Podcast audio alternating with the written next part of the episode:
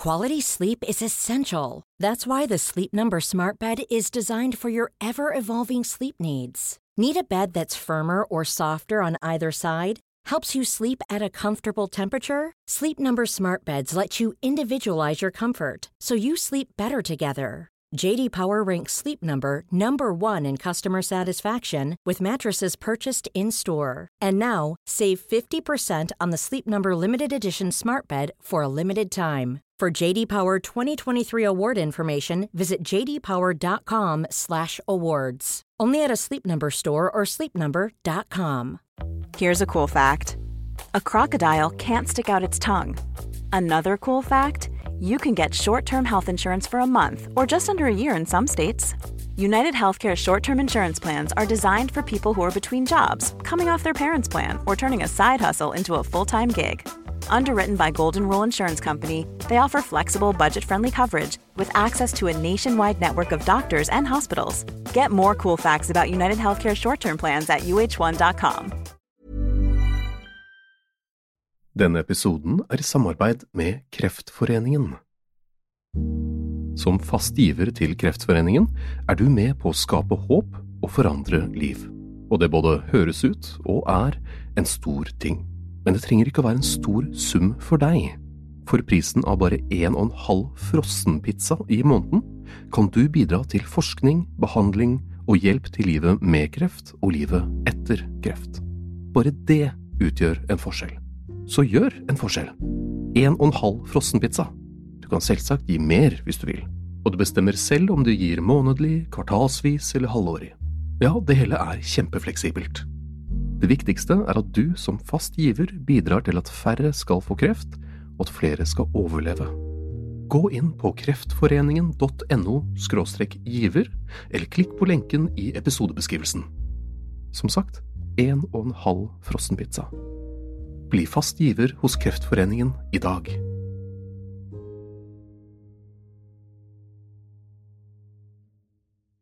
Gjenklang.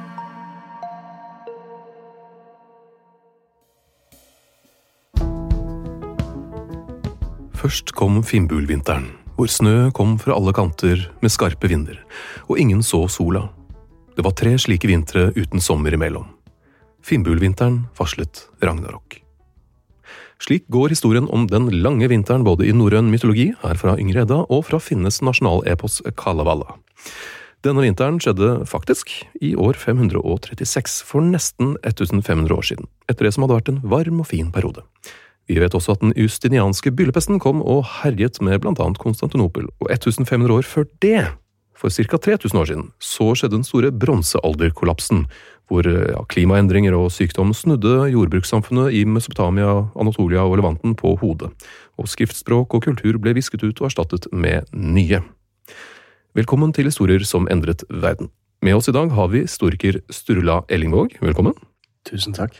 Du og Wolfgang V har akkurat kommet med en bok, 12 000 år med norsk historie. Men i denne boken skriver dere blant annet om disse hendelsene. Og det høres jo nesten ut som det kanskje er dags for en uh, ny en? Ja, det er litt pussig at vi ser Hvis nå disse krisene, altså enorme kriser, og ikke bare én og én, men det, det, er kriser som kommer, flere katastrofer samtidig mm. Hvis det var en for 1500 år siden, og en for ca. 3000 år siden, og det skjer Dette skjer ca. hvert 1500 år, så kan man jo begynne å lure, da. For det er litt av det samme som Altså, det vi gjør da i denne boka, er å se disse krisene i sammenheng, og putte det i forskjellige tidsperioder, og, og, og, se da rundt om i Europa, men også da selvfølgelig i Norge, om um, hva er det som går igjen. Det første vi ser, er at uh, tiden er ikke lineær, den går ikke bortover. Dette er syklisk. Dette er gjentagende, og det samme ser ut til å skje før hver krise. Og det samme skjer under hver krise, faktisk. Og etter hver krise også. Og det bør jo egentlig fortelle oss noe om eh, ja, overlevelse, eller hvor vi er nå i historien. Mm -hmm. For eksempel før hver eneste av disse krisene som vi snakker om i boka, så ser vi da at det er en varmeperiode med sterk befolkningsvekst som har sammenheng med økt matproduksjon. Hvor vi også ser store riker, men også kamp om ressurser. Også mer og mer krig. og mer og mer kamp om ressurser. Og av en eller annen grunn så Altså, dette er naturlige da, klimavariasjoner, ikke sant, men det Mm. forsterkes da når det har et jordbrukssamfunn. Eller hele Europa var jo så å si et jordbrukssamfunn um, før denne krisen for 1500 år sia. Og så ser vi da at uh, når uh, det blir uh, Når det blir, det blir ekstra volatilt da, på sånn måte at man blir mer avhengig av gode år, Mm. og uår slår katastrofalt ut, spesielt hvis du har tre års vinter på rad. Da. Så Det du fikk, ja, da, antageligvis var det to vulkanutbrudd, da, og de spekulerer litt på hvor det var, men antageligvis et i Peru, og kanskje i Indonesia. Men eh, vi vet jo i bronsealderkollapsen 1500 år før, så var det også da en enorm uh, katastrofe på Island. Hekla. Mm. Vulkanen Hekla. Det ble kalt for Hekla 3. Men også før den nordiske bronsealderen for 4200 år siden. Da har vi Hekla 4, et annet vulkanutbrudd som kom sammen med en enorm tørkeperiode, som gjorde slutt på alle de store jordbrukssivilisasjonene som kom fram, de første vi vet om. Sumer, Mesopotamia Ja. eh, og det gamle riket, som det heter i Egypt. Men også i Kina, selv i Kina. Så, så eh, ser vi også den første jordbrukssivilisasjonen der på samme tid. Eh, Men det har sammenheng, sammenheng med denne varmeperioden som var før. ikke sant? Den Mm. kollapser da. Og skaper en enorm um, pause i denne utviklingen fra kanskje noen som trodde de hadde lineær tid, fordi de, det var snakk om eiendom, og de, mye vil ha mer, ikke sant? Og det vokser og vokser, og de får større og større templer og større og større pyramider, og så kollapser alt. Men de som overlever, bygger opp samfunnet igjen. Mm. Vikingene trodde jo ikke at Ragnarok var slutten på verden. Ask og Emblad. Ja, nei, de visste jo veldig godt at etter Ragnarok så skal samfunnet bygges opp igjen. Gudene møttes igjen på Idavollen, hønene og sønnene til Thor. De fikk tilbake hammeren til Thor der, og så bygger de samfunnet opp igjen. Og det var jo det som skjedde. Men etter en periode med ødegårder, massedød, Mm. på 500- og 600-tallet. Og etter hver krise så ser vi da at nye maktfaktorer kommer opp, men det er også ny, masse nye migrasjoner, det er nye handelsruter, ny teknologi kommer ofte fram. Mm. Ofte blir samfunn mer totalitære, og det blir mer religion.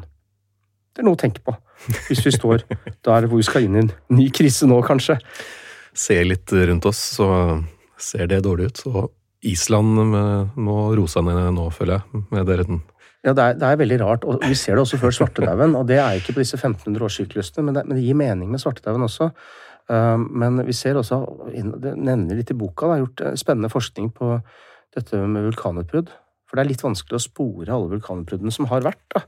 Men de har sett på um, det munkene har skrevet ned av um, solformørkelser. Mm. For det vi kan si, er at alle solformørkelser følger jo, akkurat som måneformørkelser, følger uh, Saros-sykluser. Som er eh, års, eller egentlig 18-årssykluser. Absolutt alle gjør det. Saros. Saros, ja, heter det. Så, eh, Saros-sykluser. Og da kan man forutsi. Og det bruker jo alle nå. Det er et svært diagram, det. Vi har det avbildet i boken. Det ser uhyre komplisert ut. Men dette visste de om. Altså For 2000 år siden, over 2000 år siden så bygde de gamle grekerne en maskin, faktisk, som kunne forutse Den siste Indian Jones-filmen har jeg tatt med den maskinen. Kan forutse disse uh, solformørkelsene. Og noen hevder til og med at i Stonehenge så er noen av disse steinene er bygd for å se på disse Saros-syklusene. Eh, og jeg tror personlig at dette kan være hvorfor tallet ni var så hellig. Eh, blant annet. Ah. Blant annet, i hvert fall. Fordi Saros-syklusene er da eh, Det skjer da en formørkelse hvert niende år. Syklusen, hele syklusen er 18 år. Men det som er spesielt da før svartedauden, er at de har sett på det som er rapportert hos munkene av solformørkelser, som ikke er sara-sykluser Oh, For det er jo vulkanutbrudd. ja Skjønner du? Altså Ja, hvor, ja, hvor ja. hele sot og alt, ikke sant, hele, når det blir mørkt igjen. Og det er da, eh, og da har de greid da med, Det er jo veldig dyktige forskere der tydeligvis, da, men de har greid da også uh, se da at vi har en sterk, sterk økning i vulkanutbrudd, og det er nok en del av disse naturlige variasjonene. Mm. Og de som greier mest å overleve sånne store kriser, det er de som lever i randsonene, sånn som her i Skandinavia. Vi er så langt nord Og vi har i tusenvis av år hatt en sterk, sterk kultur hvor tilpasningsevnen har vært den viktigste evnen for overlevelse. Mm. Kanskje sammen med det å kunne samarbeide og, og um, ikke være så mange mennesker, rett og slett. altså. Ja. Ja, ute i randsonene. Men også trives og ha det godt. Men da må man være flink og kunne tilpasse seg. Og så da, eh, etter, altså i, i Norge etter Finnbullvinteren, så Eller før, så var det jo omtrent en en eh, vasefabrikk, hvis det, man kan bruke det ordet, som produserte vanvittig med, med, eh, med vaser eller steintøy. eh, I Det var vel på Sørlandet, tror jeg. Det ble jo så klart helt stopp med en gang. Og det var gullproduksjon. Var det i Trøndelag eller Rogaland? Husker ikke helt. Som også var fullstendig stopp. Mm. Eh, altså med, med utsmykking. For det er jo da bonusvarer, ekstravarer. Mm. Som er forsvinner i hardere tider. Ikke sant? Ja. Ved Kulturhistorisk museum har de vært flinke til å avdekke alle ødegårdene som også dukker opp da på 500- og 600-tallet, før da samfunnet bygges opp igjen. Og vi ser da de islamske erobringskrigene på 600-tallet hadde jo ikke vært mulig. Hadde ikke vært for den krisen fra før, og så mange mennesker som hadde dødd. Og Frankrike, øh, som vokste fram øh, etter denne store krisen for 1500 år siden. Men det her er gjennomgående, altså. Vi ser det etter hver. Ottomanerne på 1400- og 1500-tallet eh, som, som vokser seg store og utnytter da en um, enorm og lang krisetid. Mm. Svartedauden, pesten, var jo ikke én gang. Den var jo den kommet tilbake i uh, flere års mellomrom. Til langt inn på 1400-tallet. Hvor lenge har, eh, kan vi si at eh, varmeperioden har vart nå? Siden kanskje den lille, lille istiden? Ja, Den lille istiden 18 starta jo på starten av 1300-tallet. Eh, Det har vi ganske godt dokumentert, og varte til ca. midten på 1800-tallet. Så sånn sett er vi jo i en tid hvor det skal bli varmere nå. Mm. Uh, Og det, da skjer jo det samme som Det syns jeg de gjør veldig bra. Og og det som skjer i hver varmeperiode, er jo uh, matoverskudd og befolkningsvekst. Ja. Og mer og mer. Og, og um, i 1960 var vi tre milliarder mennesker på jorden. Og spørsmålet er om vi skal bli ni, da. Fordi uh, um, det er jo eh, litt uheldig, kanskje, da, at vi har vært så flinke til å eh, Penicillin og ny teknologi, forskning og antibiotika. At vi har greid å eh, Disse naturlige variasjonene som har vært, da. Plutselig så vinner vi over Teknologien vinner over disse variasjonene. Mm. eh, og, og gjør det bare at vi forlenger noe som uunngåelig kommer til å skje. Sånn som eh, kunstgjødsel, eksempel. At vi kan faktisk greie å produsere mer mat til flere mennesker. Men eh, bryter vi syklusen da? Eller bare gjør vi litt sånn som Bismarck, som ledet Tyskland da, eh, i praksis på slutten av 1800-tallet. Mm. Han var jo utrolig mektig og sterk og flink til å avverge kriger på 1890- og starten av 1900-tallet, fram til 1914, i Europa. Og eh, mange har jo hevdet at det var kanskje ikke så smart, for da strakk den strikken så langt at når det først eh, sprakk, eller når det først ble krig, så marsj... Spredte veldig. ja, så var det veldig mange Og det ble veldig verre, da. Og jeg syns det er en sånn fin parallell da, til å tenke litt over at eh, ja, ok, skal, skal vi bare la krisen, krisen komme, da? Eller poenget er at um, vi trenger å snakke mer om det her, tror jeg. Mm. Eh, fordi jeg tror det absolutt er aktuelt. Og jeg skal si deg, jeg er ikke så bekymra for min egen del, altså. Fordi eh, Ja, nå bor ikke jeg i Oslo, da, men eh, Bor man i by, så er jo det kanskje Det er helt andre, andre ting å tenke på. Men det er jo litt spesielt at eh, Folkehelseinstituttet går ut nå og utvider da denne Hvor lenge skal du greie deg hvis strømmen går og alt forsvinner? Nå er det fire uker. Det var to. Og, og det er jo litt interessant da, at um, nå må vi begynne å tenke litt sånn som egentlig sånn som jeg vokste opp med på 70-80-tallet. Eh, For da var de også Da kunne strømmen ja, da måtte du tenke på Du måtte vite hvor bomberommene var, og du måtte Mm. vite hva du skal gjøre. Hvis du ser noe tungsjø der ute, så må det Det het jo bomberom. Da. Og, og, og vi måtte jo vite da at eh, du går ikke ut av bomberommet når du har sett en atomsky før det har begynt å regne. Altså, det er helt Alle visste det. Og, og det var så mye da. Og det var så mye uro i verden at, at vet du hva, det som skjer ute i verden nå, det kjenner jeg litt igjen. Jeg kjenner egentlig trygghet med det. jeg. Ja, til disse 30 late årene vi har hatt. ikke sant? Men, men, det, men det er, nå, nå, ser vi da, nå, nå, gikk vi litt ned i akkurat nåtiden, da, men, men det er jo litt sånn uh, besynderlig. Det, er jo, det er mange forskjellige bølger og frem og tilbake, syklisk, da, som mm. vi kan se på. Og jeg syns disse 1500-årssyklusene er utrolig interessante. Det er uh, mye vi kan lære av det som har fungert før. Jeg tror det som har fungert før, vil fungere igjen for oss. Hvor, det er jo egentlig et veldig godt poeng. Hvordan har man overlevd? Hvordan har man greid det? etter en sånn krise? Hvem har, eh, hvem har overlevd? Ja, det er jo eh, litt interessant å se på, selvfølgelig. Fordi um, vi ser da spesielt de siste 3000 årene, med denne store bronsealderkollapsen, mm. Da ser vi også at pesten, denne pestbakterien pestbakterien Kina persis, pestis, unnskyld, har um, vært med og gjort krisene enda verre. Uh, og de, prikken over i-en. Hva? Ja, Som prikken over i-en. Ja, ikke sant? Eller etter den store bronsealderkollapsen, da alt var skikkelig ille, og pesten var skikkelig ille, så kom prikken over i-en, for da kom dette utbruddet på Island. Okay. Og gjorde det enda verre. Det var en skikkelig prikk over i, da. Men, men, eh, men, men, vi har jo Jeg må jo si at det er, det er, sånn, det er veldig spesielt at disse to vulkanutbruddene i år 536 ble etterfulgt av den justinianske pesten for 1500 år siden. Mm. Uh, og det er liksom kombinasjonen som er så voldsom. Og pesten det har jo sammenheng med at før i tida, så av jordbrukssamfunnene, så var de ikke flinke nok til å oppbevare eh, korn. Mm. Eller mat, maten sin. Og, og, og, da Det var jo sånn eh, pesten spredte seg, ikke sant? gjennom rotter og mus og hva det skulle være. Og det, det, det, er også sånn eh, Teknologi har hjulpet oss ganske mye, men da blir vi bare enda flere folk også, da.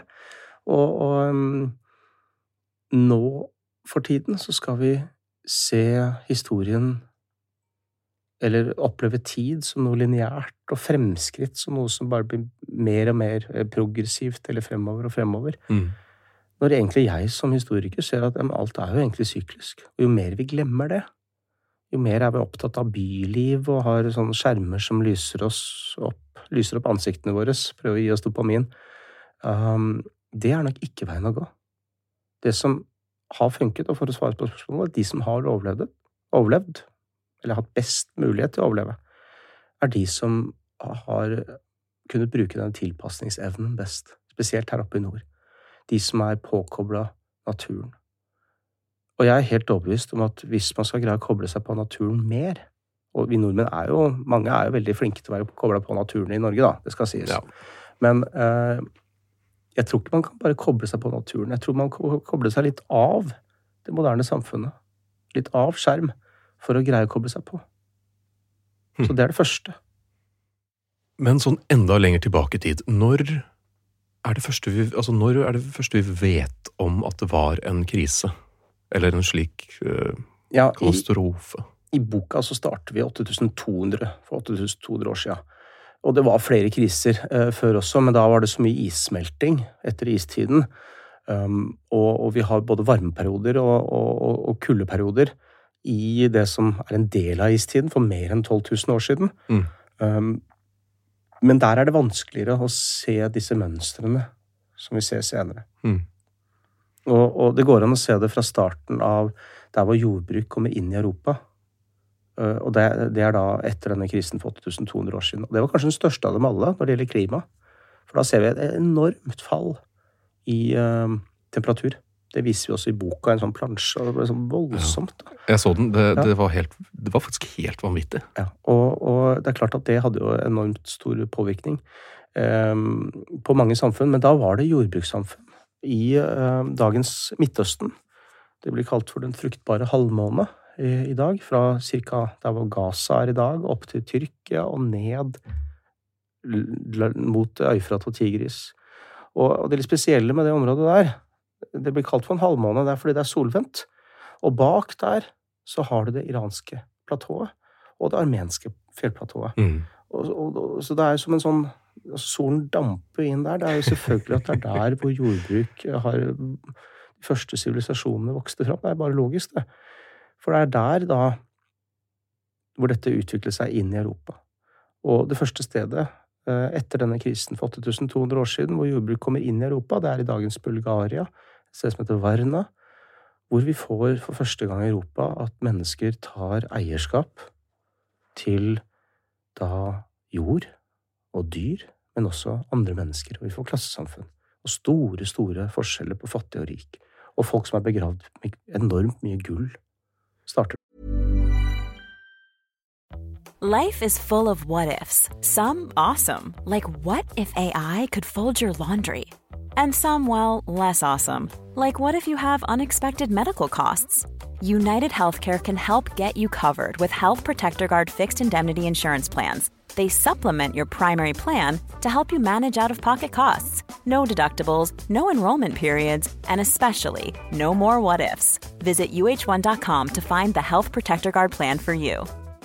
Quality sleep is essential. That's why the Sleep Number Smart Bed is designed for your ever evolving sleep needs. Need a bed that's firmer or softer on either side? Helps you sleep at a comfortable temperature? Sleep Number Smart Beds let you individualize your comfort so you sleep better together. JD Power ranks Sleep Number number 1 in customer satisfaction with mattresses purchased in-store. And now, save 50% on the Sleep Number limited edition Smart Bed for a limited time. For JD Power 2023 award information, visit jdpower.com/awards. Only at a Sleep Number store or sleepnumber.com. I'm Sandra, and I'm just the professional your small business was looking for. But you didn't hire me because you didn't use LinkedIn jobs. LinkedIn has professionals you can't find anywhere else, including those who aren't actively looking for a new job but might be open to the perfect role, like me.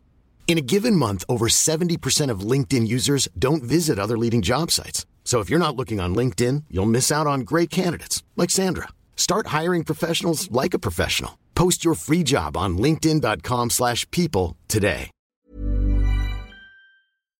Men altså Varna-kulturen syns jeg er utrolig spennende. Mm. Helt uh, malapropos, nesten. Uh, kan du fortelle litt om dem? Ja, altså, jeg har um, eh, Jeg syns det er interessant fordi elv, eh, vann, vannveier Nå skal ikke jeg bli helt sånn Terje Tvedt, men han er veldig flink på det, altså. Det skal sies. Og det å se på de samfunnene som vokser fram For Varna-kulturen var jo bare ett av flere kulturer og byer som vokste fram. da. Det var, det var stort, altså. Ja, det var liksom 40 000 mennesker bodde sammen, og også pluss området rundt. Og så var det nabobyer hvor de hadde saltproduksjon, eh, ikke langt fra Varna. Og så kan du følge Donau inn i dagens eh, Serbia. Rett ved Beograd var det en annen kultur som vokste fram. Og vi ser at de har handlet mye sammen, så de har reist på elvene frem og tilbake. ikke sant? Båter som har reist. Og så ser vi at det sprer seg oppover fra dagens Beograd i det som blir kalt for den pannoniske slette. Der hvor da Ungarn og litt av Romania, Transilvania, Mm. men også Wien og, og litt av Slovenia. Og så er det da omkranset av fjell. Og, og Donau fortsetter da videre inn i dagens uh, Sør-Tyskland. Men det går også da en, en vei rett opp mellom Slovakia og Tsjekkia, som blir kalt for den moraviske porten. Og der er forbindelsen til Skandinavia og Østersjøen. Mm. Så der kommer elvene ned. Visla, Visladalen, som kommer ned til dagens Warszawa.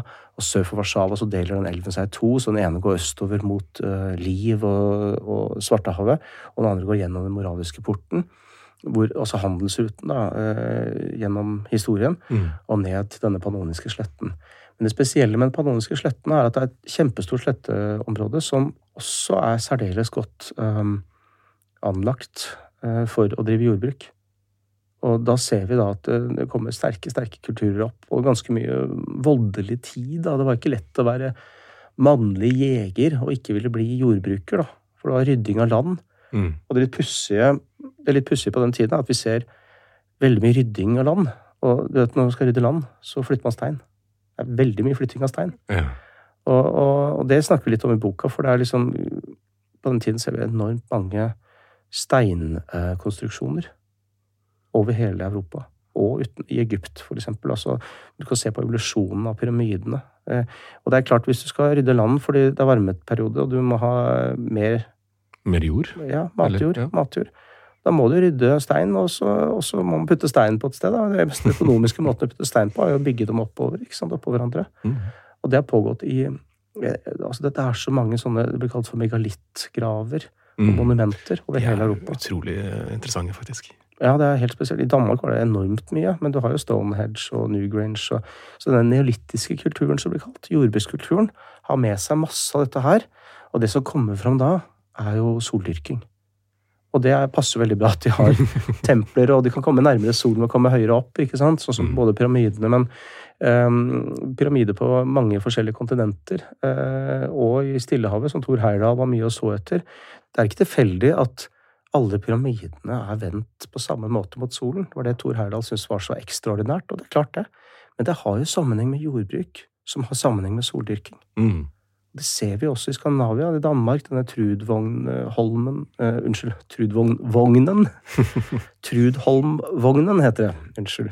Som, som er en fantastisk sånn solvogn, da, hvor du dyrker både solen og månen og stjerner. og Det er mye spennende som kommer fram i denne perioden, da, inn i den nordiske bronsealderen. Men man kan se historien sammenhengende, og de forskjellige tidsperiodene i sammenheng. Det er blitt mer og mer populært å gjøre nå. Mm. Men man kan også se historien da ved hjelp av å se på krisene. Og da gir egentlig det mye mer mening å ha det overordnede blikket på denne måten her. Og jeg har sett en del nye studier nå hvor de har sett litt spesielt på disse krisene og ser dem i sammenheng med hverandre. da. Spesielt før og etter den nordiske bronsealderen er det utrolig mye spennende. Altså da for ca. 3000 år siden, og så 1200 år før. Så ikke cirka, det er så cirka hvert 1500 år, ikke sant. Men det er variasjoner. Det er ikke noen som sitter med klokka og timer. Nei, det er jo ikke det, men det er jo en del ting som går igjen, da. Og der kan vi ta svartedauden, altså den ikke passer inn i denne 1500-årssyklusen. Det var 650 år siden, ikke Mm. 1500. For 1500 hadde vi en annen krise. Og, og, og det er litt pussig, fordi vi ser også da varmeperioder rett før. Altså både vikingtiden og det som i Norge blir kalt for høymiddelalderen. Mm. Um, og vi ser befolkningsvekst. Og Vi ser enorme uh, imperier bli bygd opp, da. Ikke sant? Um, det starter egentlig med at Karl den store kroner seg selv til tysk-romersk keiser i år 800 og fører da arven etter Romerriket videre. Men på slutten av 900-tallet så har det um, enorme navn eh, på regioner og land som vi kjenner i dag, til og med. Altså de første tyske um, keiserne, da um, som var konger. Otto, Otto den første på slutten av 900-tallet, og du har eh, i Frankrike Hugo Capet. Eh, Store, store maktfaktorer som kommer frem i Og dette er da i løpet av tusentallet. Kirken som blir enormt mektig. Og, og det blir mer og mer organisert, og også mer, større og større befolkningsøkning. Jeg syns vi ser mange av de samme tingene, og akkurat det med det å putte svartedauden inn i denne sammenhengen her, er litt spennende. Vi ser det samme skje i løpet av krisen, som svartedauden var, med lille istiden. Mm. Vi ser også det samme etter istiden, hvor språk endrer seg. Um, sånn som i Norge så mista vi jo mange av kasusene våre. Sånn som akkusativ og dativ og genitiv. Den gamle norrøne måten å prate på, som de fortsatt gjør på Island og Færøyene. Mm. Men, eh, og i England så fikk de jo dift- diftonger, som det ble kalt for. Diftongene hvor det gikk fra Det, det het jo hus og båt uh, før krisen. Og etter krisen så blir det house og boat. Ikke sant? Altså det blir ny utvikling, men også Mm. nye handelsruter, ny teknologi som kommer frem, og nye makter som tar eh, enormt eh, mye plass da, i senere historie. Så vi ser det samme mønsteret før og etter og under eh, svartedauden, og den krisen som, som det var. Men det jeg syns er litt spennende, er at eh, den sier oss noe om befolkningsøkning i forkant av en krise. Ja, Og det er veldig aktuelt i dag. det er det. Og det tilsier da, eh, mener jeg, da, er en sterk indikasjon på at eh, det Uavhengig om når krisen kommer, så er det nok eh, plausibelt å hevde at eh, det har sammenheng med befolkningsøkning. Og eh, et system som går ut på å utnytte ressurser, eller å kjempe om ressurser, altså kamp om ressurser, Mm. og produsere mest mulig, mest mulig profitt, det skjer jo akkurat nå. Snakker, før snakka det om 1% som eier så mye og så mye. ikke sant? Nå er det 1 av 1 Og hierarkiet eh, internasjonalt, da, mener jeg, altså globalister, da, de som er tilhengere av at alt skal bli mer og mer sammensatt, den, den, denne trekanten hvor liksom de som styrer er på toppen og resten av samfunnet er under, den er jo blitt eh, brattere og, og høyere og, og smalere. Eh, og, og det er jo en faktor. Mm. Det er mange historikere som ser på hva er det som gjør at kriser eller storkriger utløses. Mm.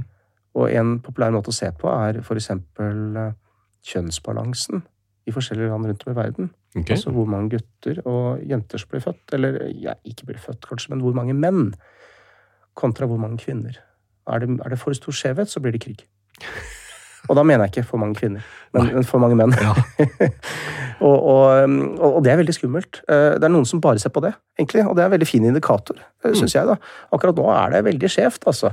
Og, Kina er høyt oppe der i antall, ikke prosentvis, men det er så mange mennesker. Så det er klart, hvis de er på 53 mann, menn og 47 kvinner, så, så er det ganske katastrofalt mange menn som ikke får barn, ikke kan få familie, som må finne på noe annet å gjøre. Eh, poenget er at det bør også være med når man driver og vurderer hva er det som liksom det er, det er så lett å gå seg vill i målestokk da, at man tror nå skjer det. ikke sant? Mm. Eller det skjer om 50 år, eller kanskje om 100 år. Men hvor lenge kan vi, hvis det er uunngåelig, spør jeg, Mm. hvor lenge kan vi bare dytte kristen foran oss? Og bare vente på et vulkanutbrudd eller to. Ja, for det vil jo bli trigga på et eller annet måte. Hvor lenge kan vi fortsette å blåse opp ballonger? Som eh, eiendom, eksempel. Se på Kina, de store eiendomsselskapene der, hvor mye de sliter, men også i USA. Hvor mye kan man fortsette å late som at eh, tiden er lineær og verden går fremover, og fremskritt er alt som betyr noe. Med teknologi så skal vi greie å bryte ut av syklusen. Jeg er nok eh, egentlig positiv. Eh, For jeg er ikke så redd for en stor krise. For jeg tenker at det kommer når det kommer. Og hvis vi har tilpasningsevnen og kanskje ikke bor i en by eller for nært store sentre, så har vi større Og det gjør ikke jeg, da. Så har vi større muligheter for å overleve. Men Det er samtidig veldig historie, eller historikersvar, Ja. eh, også. ja, ja, det er jo det. Men samtidig Så så, er det Hvis man ser tid som syklisk, så blir det mye lettere å leve, syns jeg. Ja. Jeg hadde, hadde en, eh, en gjest på besøk for eh, en god stund siden for å snakke om, om Sparta var et demokrati. Og da Ja. kommenterte jeg jøss, de hørtes ut som noen skikkelig idioter og, ja, å være til. Han bare ja, ja. Og sånn må egentlig bare Du må se historie som Du må ha et visst mørkt, mørk sans for humor også for å kunne se, lese nok historie. Jeg syns vi har nok berøringsangst. Det er nok vanskelige ting å snakke om. Men jeg tror det er helt rett. Hvis man heller kan snakke litt lett om det, Mm. så er det lettere å snakke om det uten at man trenger å overdramatisere. Eller sånn som engelskmennene sier, da. Keep calm and carry on. Ikke sant? Eh, spartanerne er litt morsomt, da, for de hadde jo et eget folkeslag, eller en folkegruppe, som jobbet for seg. Helottene. Og, og um, da spartanerne var på sitt mektigste, så var det åtte helotter for hver spartansk kriger. Men så Det varierte jo også, da. Ja, de hadde jo hver høst, var det ikke det? At de hadde en sånn eh, årlig krig mot heloterne. For de, måtte da Ja. Det, men det, det ble mer, da. fordi etter hvert så ble det så mange helotter. Jeg tror det var 20 helotter for hver spartansk kriger. Og da, og da, før eller siden, da, sånn som i arbeiderbevegelsens eh, fremvekst, i den sterke urbaniseringen vi hadde på slutten av 1800-tallet, at um, før eller siden så organiserer man seg. Mm. Og det skjedde jo med helottene. Det gjorde jo det. Og, og, og det er jo veldig interessant å se på. Da. Det er også historikere som gjør mange interessante paralleller der i historien. Da. Det, det, er- det er også sant, da.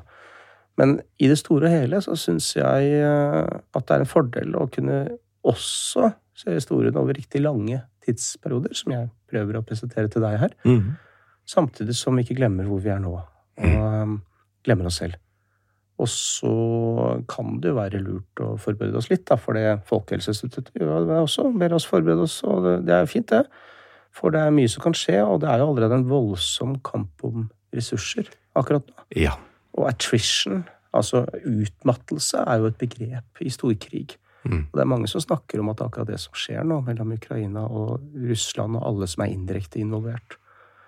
Og, og det, det er viktig å ha i mente, tror jeg, fordi um, hvis vi godtar i et tankeeksperiment i hvert fall at uh, dette er syklisk, så uh, er spørsmålet bare når det skjer. Mm. Og uh, hva gjør vi da? Ja, Spennende, spennende å tenke på. Ja. Og litt Ja. skummelt. Litt skummelt, men det er mye som er skummelt i verden. Ja. Og som jeg sa, det, det som skjer ute i verden nå, det er noe jeg kjenner fra min barndom. Ja. Så jeg føler meg mye mer trygghet med det enn hvordan verden var for ti år siden. Jeg gjør faktisk det. Tusen takk for at du kunne komme inn hit og prate litt med meg, Sturla Ellingvåg. Og eh, gratulerer med bok 12 000 år med norsk historie. Tusen takk. Og hvis, eh, hvis ting er så syklisk, så ses vi kanskje snart igjen. Det blir som det blir. Det blir som det blir. På gjenhør. Gjenklang.